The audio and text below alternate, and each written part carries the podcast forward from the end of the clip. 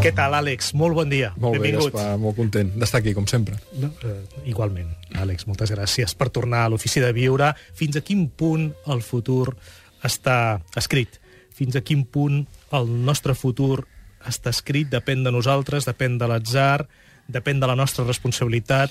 Són algunes preguntes que l'Àlex darrerament s'ha fet i ha penjat textos al seu mur de Facebook.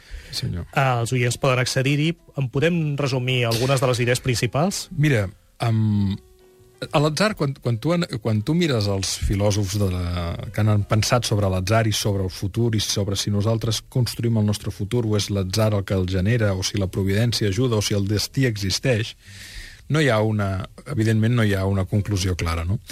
Fa molts anys un amic eh, força lúcid em va dir, diu, el destí és segur, és segur allò que et passa, si no fas res per evitar-ho. Sí, això ho podríem repetir perquè és una frase És una, d'aquestes... és, una és un aforisme. és una definició lúcida i alhora cínica, no? És a dir, el, el destí és allò que segur que et passa si no fas res per evitar-ho.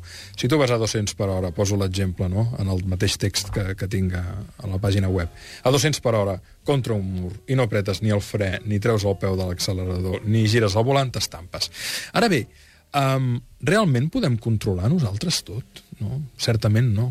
És a dir, segurament la vida és una dialèctica que està en mans del temps o de les circumstàncies que no, les, que no controlem i en part en les nostres mans.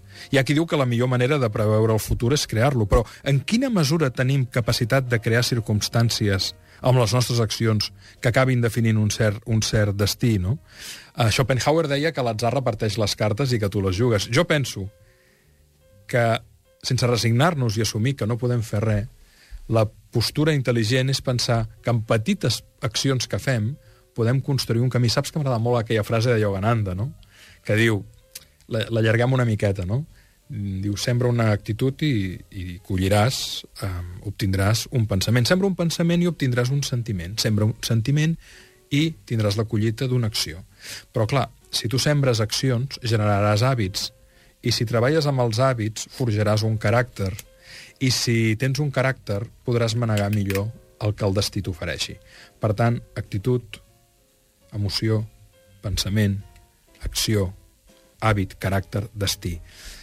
Jo no em resignaria a pensar que tot està escrit perquè crec que d'una petita escletja es pot començar un canvi radical i hi ha hagut persones que ens han demostrat a la història com un correu electrònic, una entrada a Facebook darrerament, o un petit descobriment en aparença poc rellevant ha, ha generat un impacte sistèmic en la vida dels altres.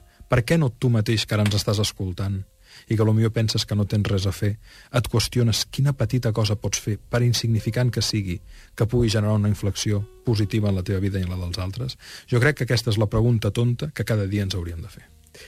Gens ni mica tonta. Moltes gràcies, Moltes Àlex. gràcies, Fins Gaspar. diumenge. Una abraçada.